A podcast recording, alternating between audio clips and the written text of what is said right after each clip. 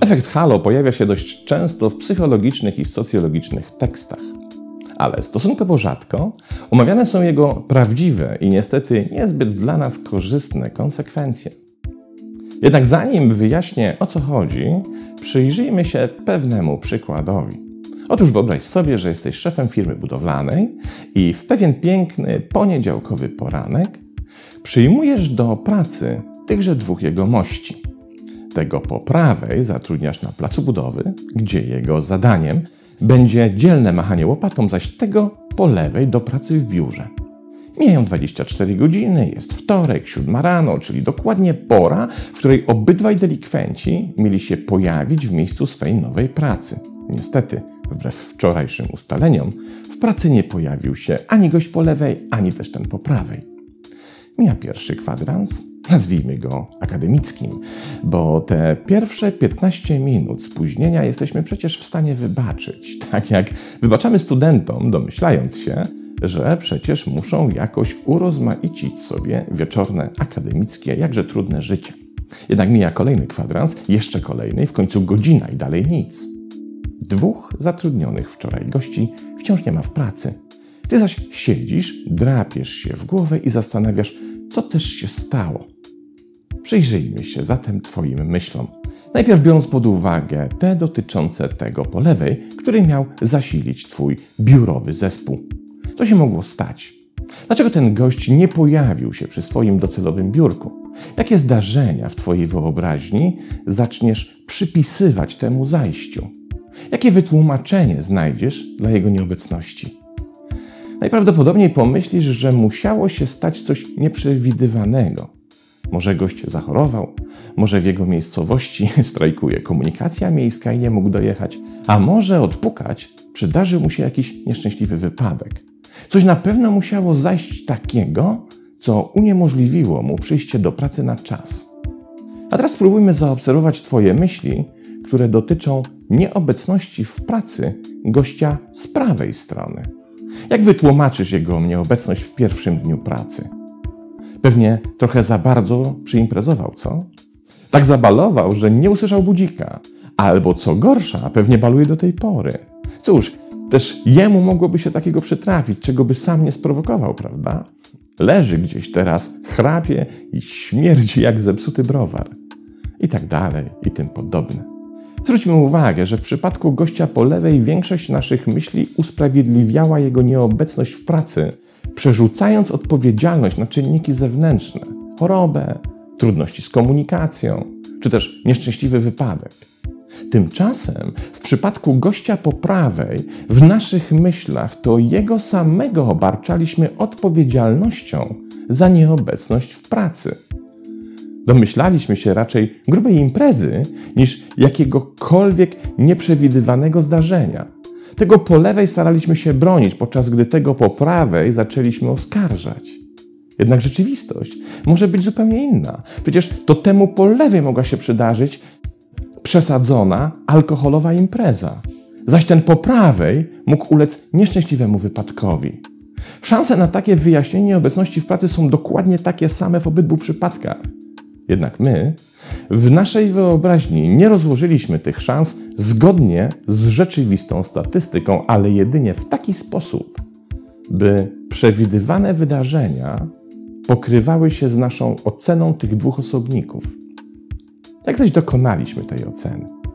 W jaki sposób stworzyliśmy w naszej własnej wyobraźni obrazy odpowiedzialności, sumienności i rzetelności tych dwóch ludzi, skoro tak naprawdę nawet nie usłyszeliśmy, w jaki sposób do nas mówią, jak się poruszają i zachowują? Przecież tak naprawdę, drogi widzu, znasz tylko dwa nieruchome obrazki, dwa wyciągnięte z czeluści internetu zdjęcia anonimowych gości. Oto jak działa efekt halo.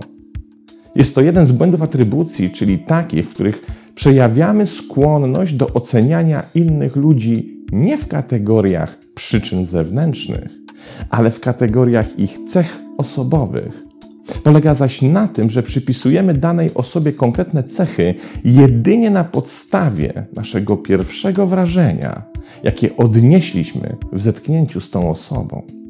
I co najgorsze, kiedy już skonstruujemy naszą ocenę takiej osoby, będziemy w kolejnych kontaktach z tą osobą przejawiali tendencję do odnoszenia się nie do jej rzeczywistych zachowań, ale właśnie do naszej wydanej wcześniej oceny. Jeśli więc w pierwszym wrażeniu oceniamy kogoś jako osobę budzącą zaufanie, jak to zrobiliśmy w przypadku gościa ze zdjęcia po lewej, to później będziemy skłonni do wytłumaczenia sami przed sobą jego późniejszych zachowań w taki sposób, by to zaufanie nie ucierpiało. To dlatego, kiedy gość ten nie pojawił się w pracy, tłumaczyliśmy jego nieobecność za pomocą zdarzeń niezależnych od niego. W drugim przypadku, w pierwszym wrażeniu uznaliśmy, że po gościu po prawej raczej nie należy się spodziewać jakiejś szczególnej rzetelności. Więc kiedy nie przyszedł do pracy, jego nieobecność wytłumaczyliśmy właśnie za pomocą tejże przypisanej mu przez nas nierzetelności. Efekt halo ma zastosowanie również w wielu innych i dużo prostszych sytuacjach.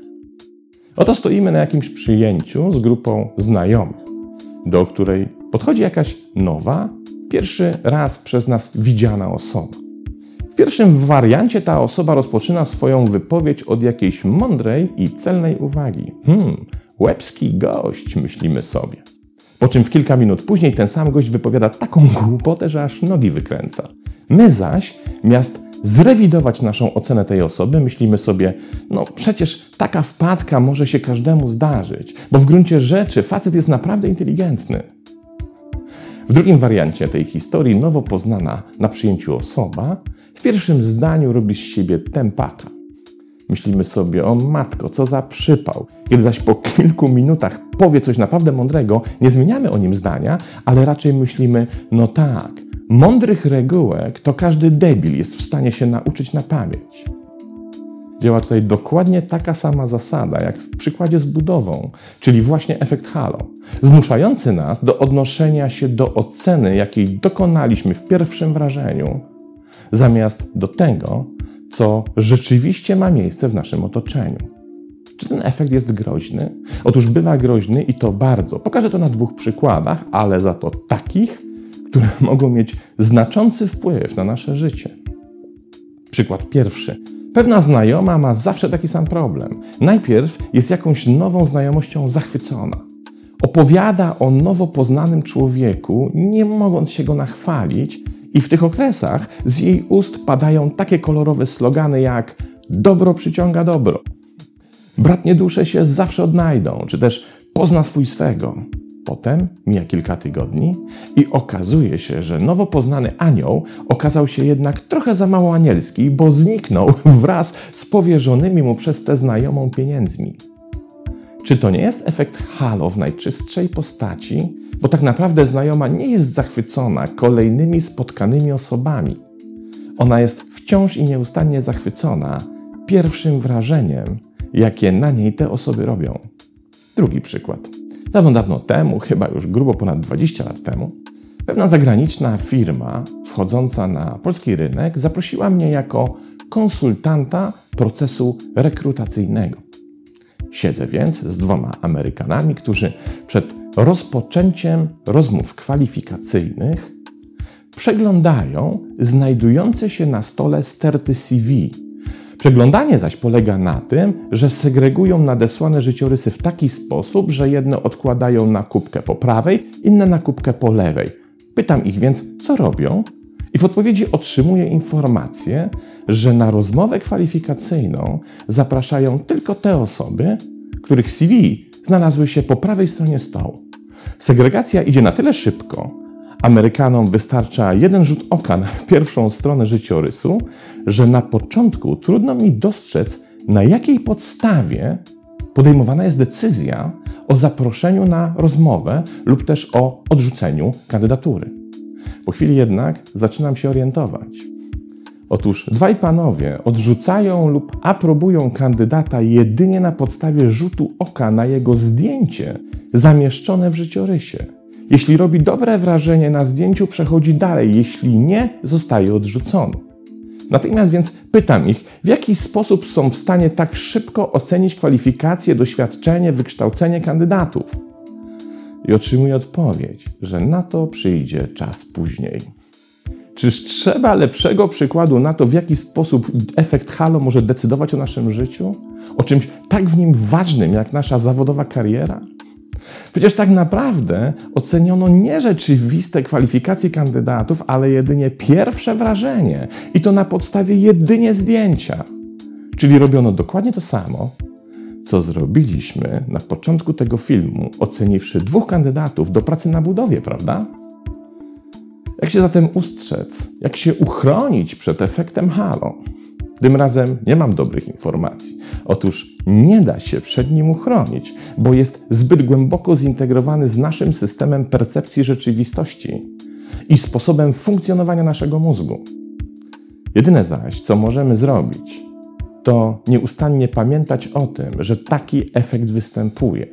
I to zarówno wtedy, kiedy to my jesteśmy oceniani, jak i wówczas, kiedy to my znajdujemy się po stronie oceniających. W tym pierwszym przypadku zacznijmy przykładać większą wagę nie tylko do tego, jak wypadamy w pierwszym kontakcie z nowo poznanymi osobami, ale również do tego, jakie własne zdjęcia publikujemy w mediach społecznościowych, czy też w formularzach CV.